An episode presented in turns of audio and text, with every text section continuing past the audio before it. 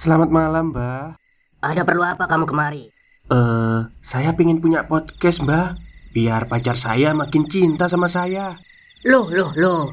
Mau bikin podcast kok tanya dukun? Sekarang kamu download aplikasi Anchor.fm. Di situ kamu bisa buat podcast gratis dan podcast kamu bisa didistribusikan ke platform mana pun. Dan di aplikasi atau website Anchor.fm juga terdapat fitur-fitur yang memudahkan kamu untuk membuat podcast. Oh, gitu ya, Mbak. Kalau gitu, saya boleh minta password wifi-nya, Mbak. Buat apa? Buat download Anchor.fm, Mbak.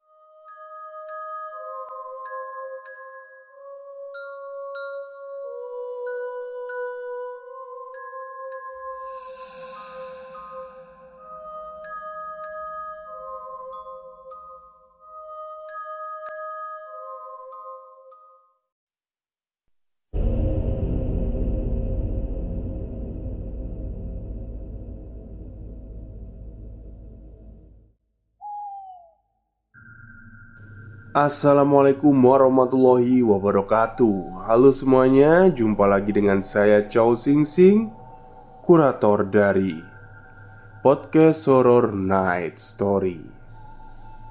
Halo, apa kabar semuanya? Semoga kalian semua baik-baik saja ya. Dan seperti biasanya pada malam hari ini Saya kembali dan akan menghadirkan sebuah kisah mistis untuk kalian semua Kisah mistis kali ini saya datangkan dari tweet twitternya Mas Agil Saputra Yang menceritakan tentang keluarga Yang menghuni sebuah hunian sementara Karena rumah tempat tinggalnya itu direnovasi Tapi ternyata di sebuah hunian itu menyimpan banyak misteri Seperti apa kisahnya? Mari kita simak. Kali ini cerita dari Wonosobo.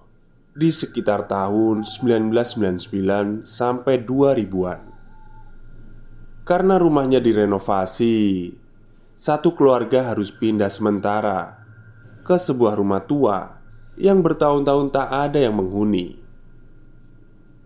Sebuah keluarga itu terdiri dari bapak, ibu, Risa sang narasumber dan Doni adiknya.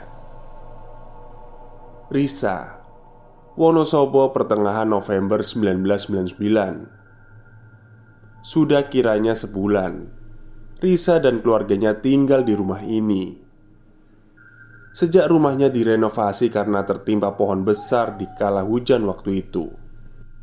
Akhir-akhir ini Risa juga terlihat kurang bisa berkonsentrasi di sekolah Dia selalu terlihat mengantuk Risa mengaku Sejak tinggal di hunian sementara ini, dia menjadi susah tidur. Nampaknya ada sesuatu hal yang dialaminya. Kata Risa, rumah ini memang bagus, meski model bangunannya lawas. Tapi rumah ini terlihat sangat terawat. Awalnya Risa sangat antusias untuk tinggal di rumah ini. Tapi ternyata setelah hari berlalu, banyak hal-hal aneh yang terjadi di rumah itu, seperti suara ketukan dan orang berjalan di tengah malam.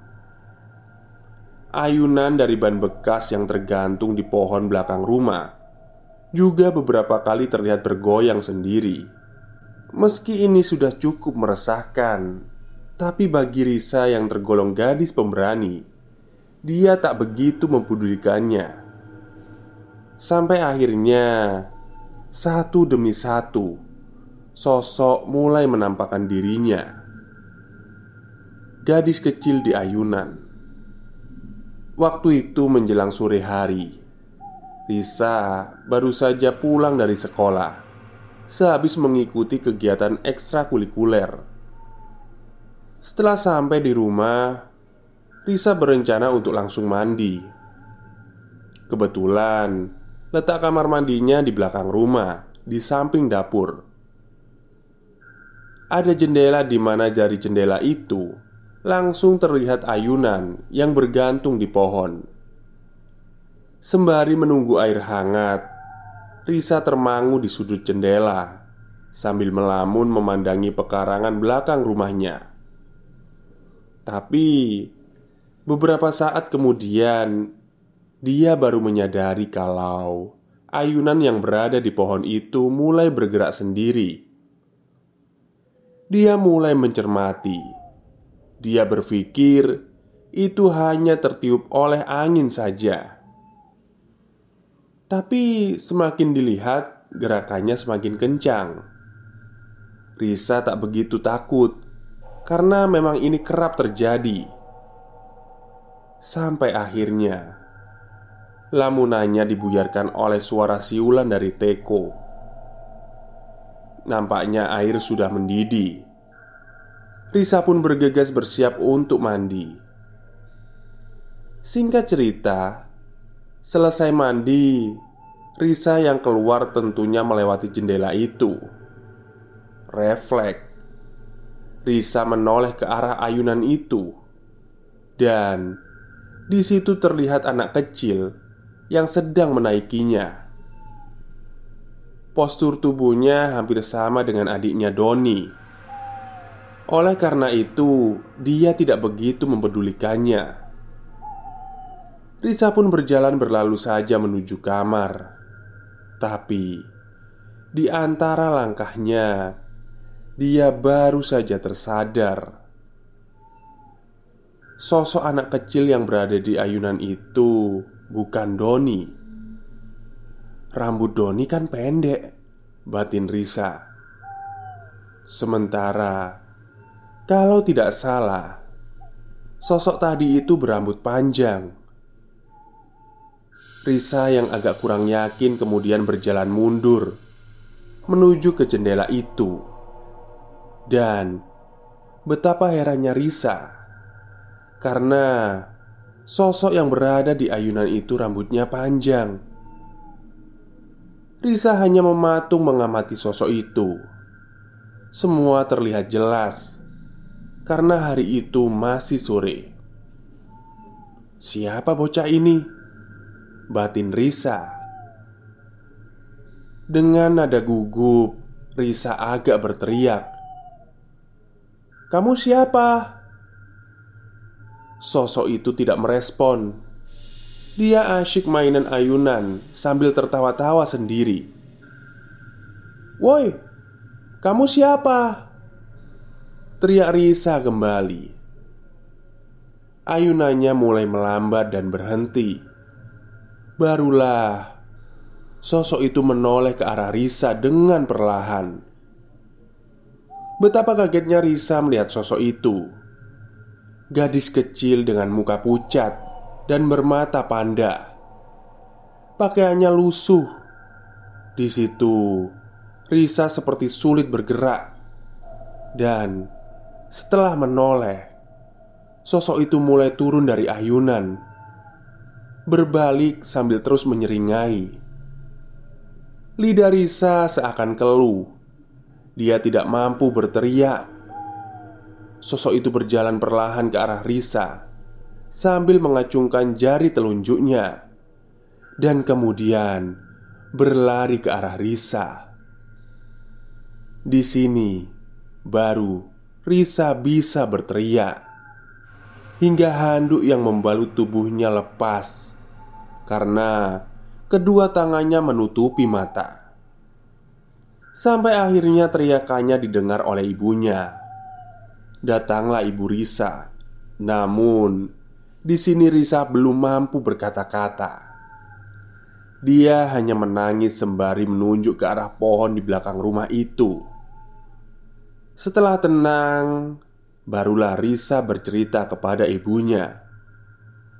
Sambil masih terisak, Risa berkata, ada anak kecil di ayunan itu.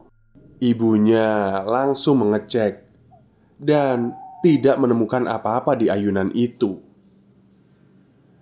Untuk pertama kalinya, makhluk penunggu rumah ini menampakkan wujudnya, dan epiknya itu terjadi pada sore hari.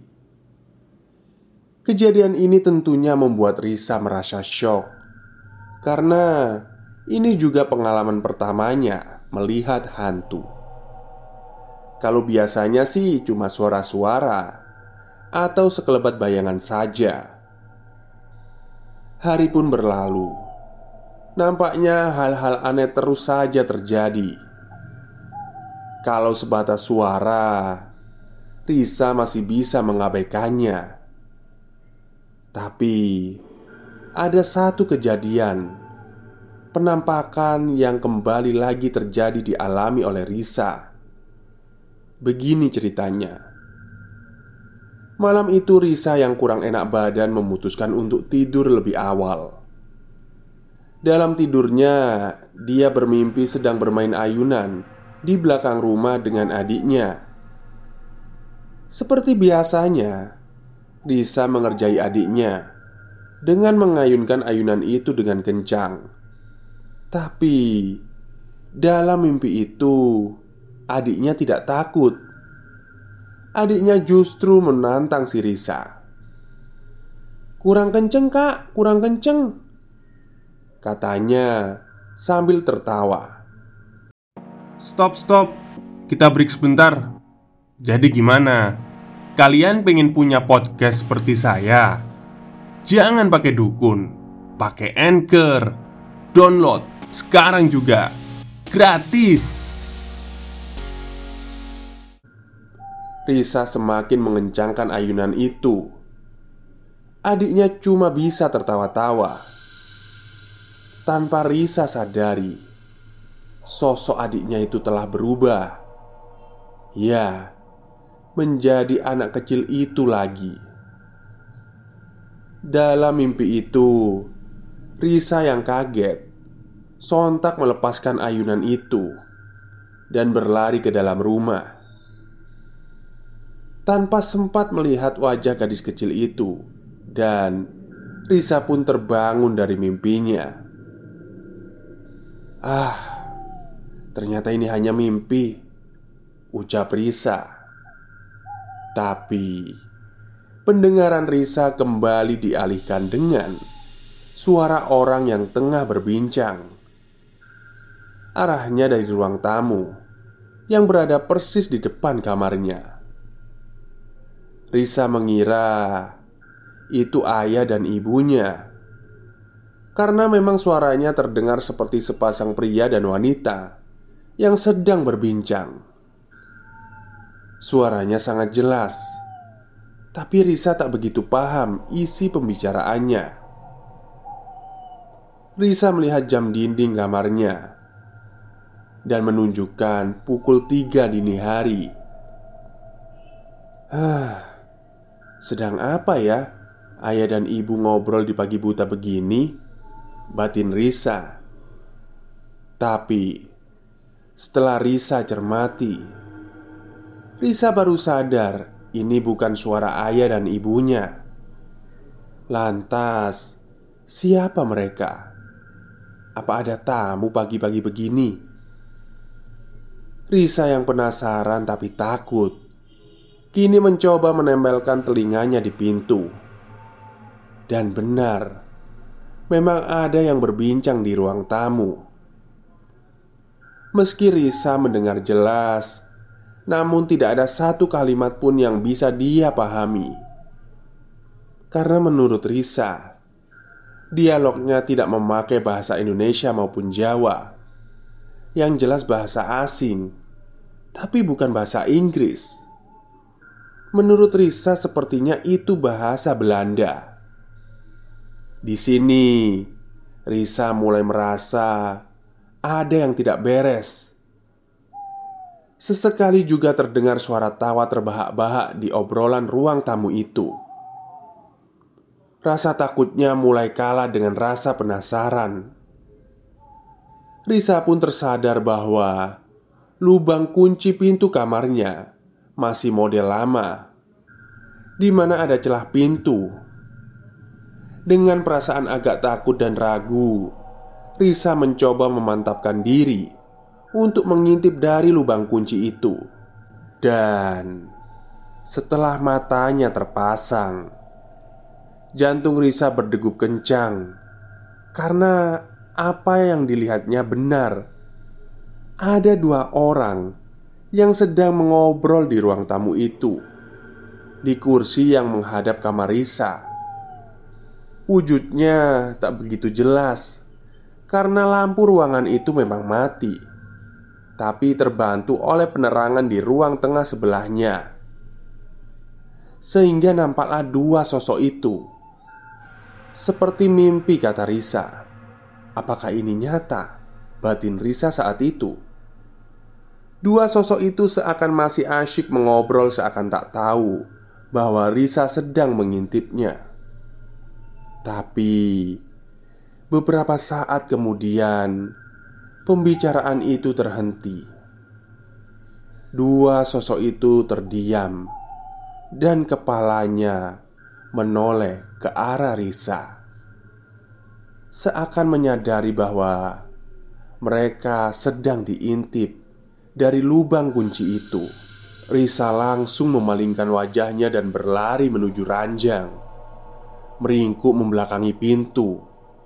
Tapi tak selang beberapa lama, pintu kamar Risa diketuk. Tok, tok, Tok. Risa ketakutan dan mulai menangis. Sementara ketukan itu masih terdengar.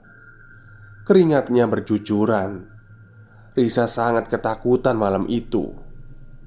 Ketukan itu masih terus ada Hingga adzan subuh berkumandang Barulah suara ketukan itu berhenti. Esok hari menjelang Risa yang memang sedang tidak enak badan Diperparah dengan kejadian semalam. Risa menjadi demam tinggi Saking tingginya suhu tubuhnya. Kata ibunya Risa sampai mengigau tak jelas Seperti ketakutan akan sesuatu Ibu Risa khawatir tentunya berpikir Kalau Risa terkena sawan. Tapi Ayah Risa sebagai orang yang logis Segera membawa Risa ke dokter. Kata dokter Demam yang sangat tinggi Bisa menimbulkan halusinasi. Akhirnya Risa diberi obat dan pulang.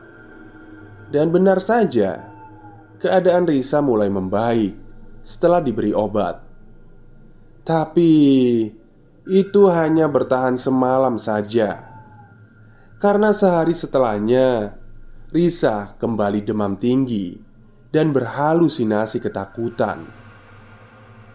Tidak mau tidur sendiri, Risa pun tidur ditemani oleh ibunya.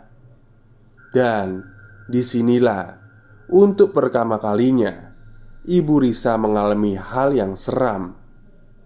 Kejadiannya hampir sama dengan Risa. Begini ceritanya.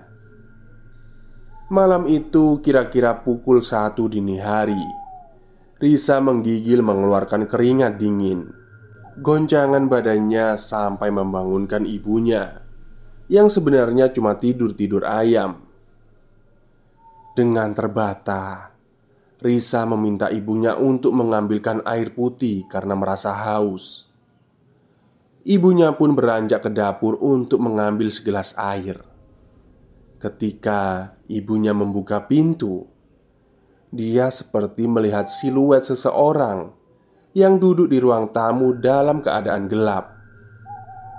Segera saja dia menyalakan lampu untuk memastikannya. Tapi setelah lampu menyala, tidak ada siapa-siapa. Ah, mungkin itu cuma siluet dari lampu teras saja. Batin ibu. Dia pun beranjak ke dapur tanpa mematikan lampu ruang itu kembali. Segera dia mengambil segelas air dan akan kembali menuju kamar. Tapi ketika ibu Risa berjalan, samar-samar dia seperti mendengar orang yang sedang mengobrol.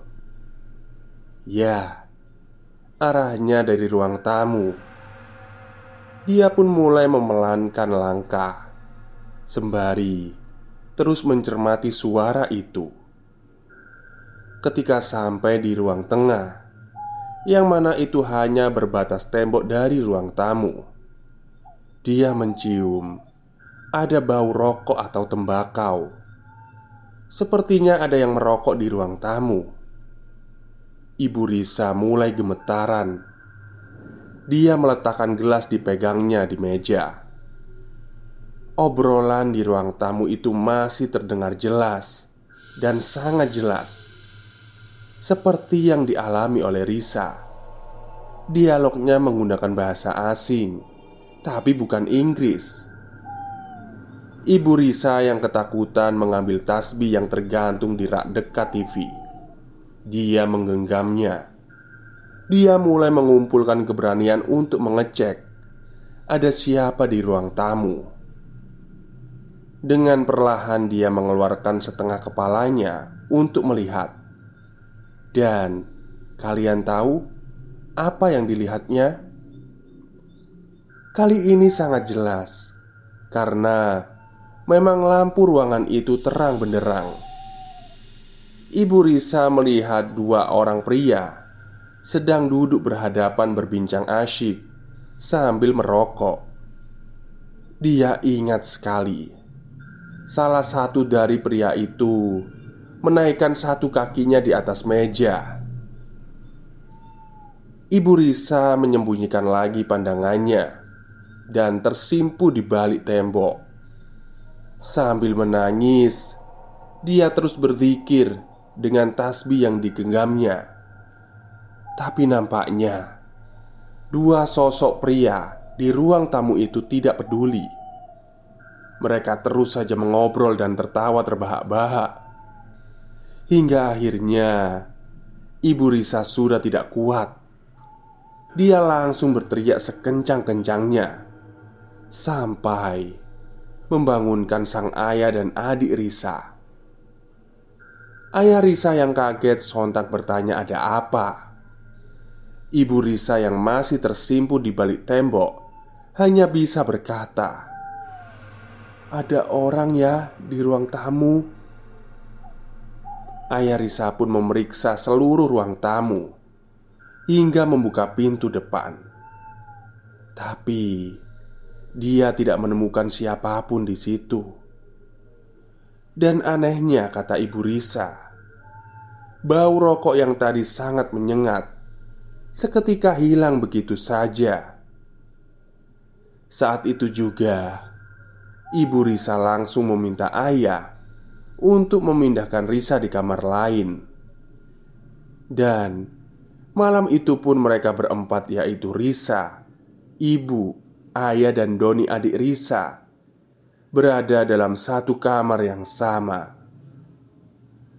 Malam itu ibu Risa terus saja bercerita kepada ayah tentang apa yang dilihatnya.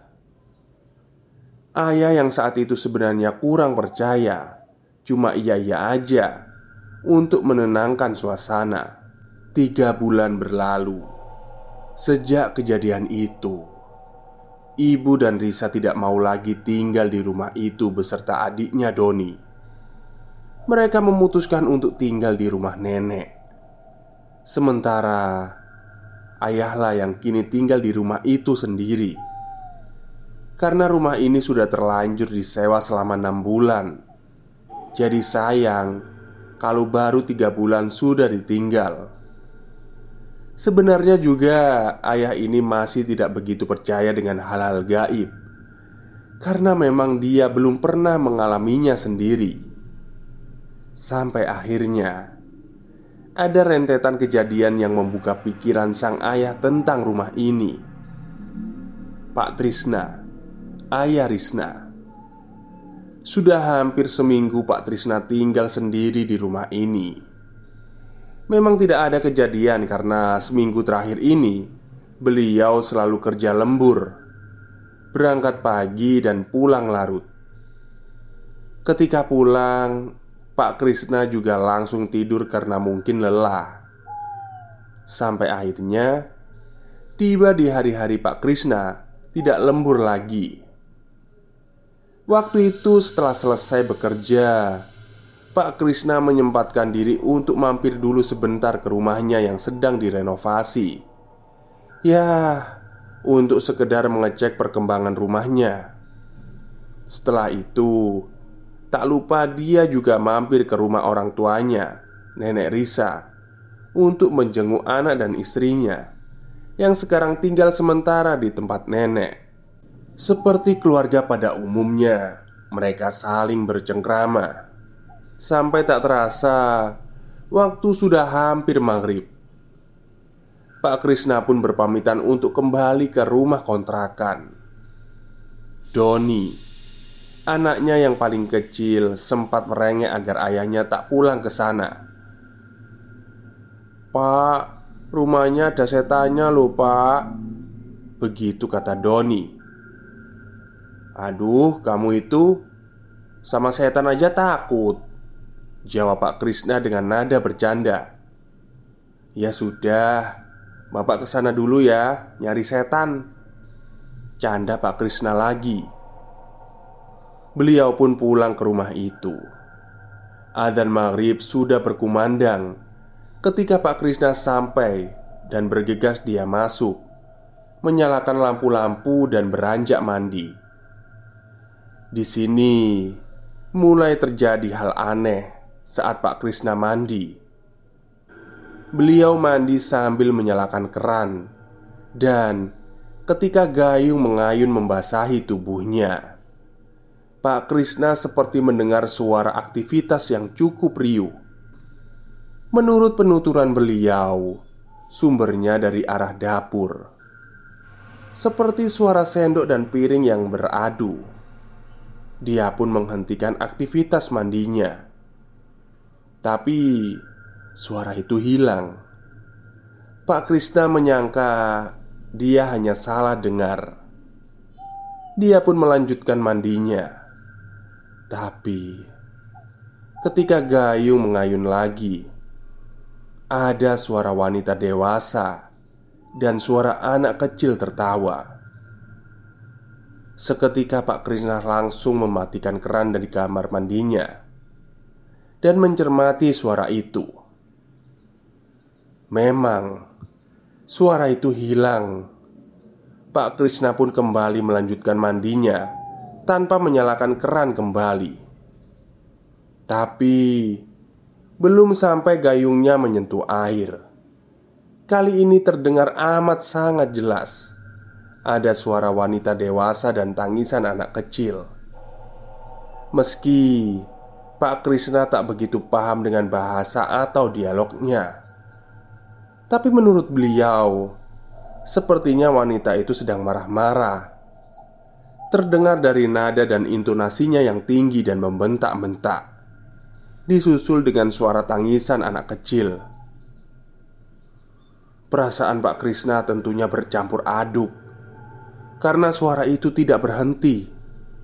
Suaranya juga sangat jelas, seperti hanya terhalang tembok kamar mandi. Di dalam kamar mandi, Pak Krisna berpikir, "Berarti benar kata anak istriku." Tapi Pak Krishna ini tergolong orang yang pemberani Dia segera menyelesaikan mandinya Meski suara itu masih terdengar Dan dengan tanpa aba-aba Dia langsung membuka pintu kamar mandi sambil berkata Hayo! Dan Keadaan sepi tidak ada siapa-siapa. Waduh, merinding saya. Uh. Tapi Pak Krisna yakin Tadi dia tidak salah dengar. Beliau ini memang pemberani. Seperti tidak pernah terjadi apa-apa Dia pun masuk ke kamar Dan mengganti bajunya Malamnya pun beliau melewati dengan tenang Selang sehari Seperti biasa setelah pulang kerja, Pak Krisna mampir ke rumahnya. Nampaknya proses renovasi sudah hampir selesai. Lega batin dia karena dalam hati kecilnya sebenarnya dia juga tidak begitu betah tinggal di rumah itu. selain karena kejadian kemarin. Dan setelah itu tak lupa dia mampir ke rumah nenek. Di situ sebenarnya Pak Krisna ingin menceritakan kejadian kemarin kepada keluarganya terutama istrinya. Tapi beliau urung karena masih ada rasa gengsi di dalam dirinya. Beliau pun kembali pulang ke rumah itu. Pak Krisna pulang agak awal karena dia tidak mau sampai sana bertemu maghrib lagi seperti kemarin. Sesampainya di rumah itu, beliau langsung mandi. Tidak ada kejadian lagi. Setelah sholat Isya, Pak Krisna menonton televisi. Sampai tak terasa, dia ketiduran. Dan ada kejadian yang menurut saya cukup epik. Begini ceritanya. Ketika beliau ketiduran di depan televisi, Pak Krisna dibangunkan seperti ada yang menepuk kepalanya. Sontak dia terbangun, merasa agak bingung, tapi di situ Pak Krisna mengira itu hanyalah mimpi. Pak Krisna pun mematikan televisi dan malah tidur lagi di tempat yang sama. Pak Krisna pun mulai terlelap. Namun, entah jam berapa, beliau kembali dibangunkan seperti ada yang mengelus badannya.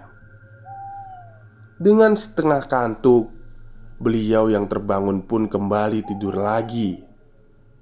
Sampai beberapa saat kemudian, ada yang menggoyangkan tubuhnya sangat kencang sampai kursi panjang yang ditidurinya berdenyit. Seketika Pak Krisna terbangun bersama tubuhnya yang kini dalam posisi setengah terduduk. Namun, walaupun Pak Krisna sudah terbangun, dia merasa tubuhnya masih digoyang-goyang, seperti ada tangan yang memegangi pundaknya dari belakang. Refleks, Pak Krisna pun menoleh ke arah belakang, dan kalian tahu apa yang dilihatnya. Di situ Pak Krisna melihat sosok wanita Tionghoa. Parasnya tua. Nampak jelas guratan keriput di wajahnya. Bajunya putih lusuh. Raut wajahnya pucat. Sosok itu berdiri sambil bertolak pinggang. Tatapannya tajam. Sosok itu tak bicara satu kata pun Hanya mengacungkan jari telunjuknya ke arah kamar Seakan menyuruh Pak Krisna untuk masuk ke kamar. Di sinilah baru keberanian Pak Krisna seketika luntur. Dia terpaku tak bisa bergerak. Matanya seakan terhipnotis untuk terus memandangi sosok itu. Sosok wanita tua itu memandang Pak Krisna dengan tatapan marah. Sampai akhirnya Pandangan Pak Krisna kembali gelap. Namun, nampaknya dia tidak tidur, tapi pingsan dan terbangun keesokan harinya di lantai depan ruang TV. Pak Krisna terbangun dengan keadaan bingung, masih menerka dan mengingat kejadian semalam. Dia memandangi sekeliling ruangan dan matanya terhenti di sudut belakang kursi. Sudut di mana semalam dia melihat sosok wanita tua beretnis Tionghoa itu berdiri bertolak pinggang. Tentunya ingatan Pak Krisna masih hangat. Dia pun tersentak dan langsung pergi dari rumah itu. Kebetulan itu hari Minggu. Bergegaslah Pak Krisna pergi menemui anak dan istrinya. Akhirnya beliau bercerita tentang kejadian yang dia alami selama dua hari terakhir ini. Akhirnya, Risa sekeluarga memutuskan untuk meninggalkan rumah itu, dan Pak Krisna pun tinggal bersama keluarganya di rumah nenek.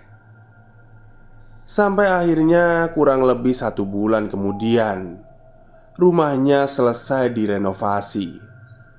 Mereka sekeluarga pun kembali tinggal di rumah lamanya sampai sekarang.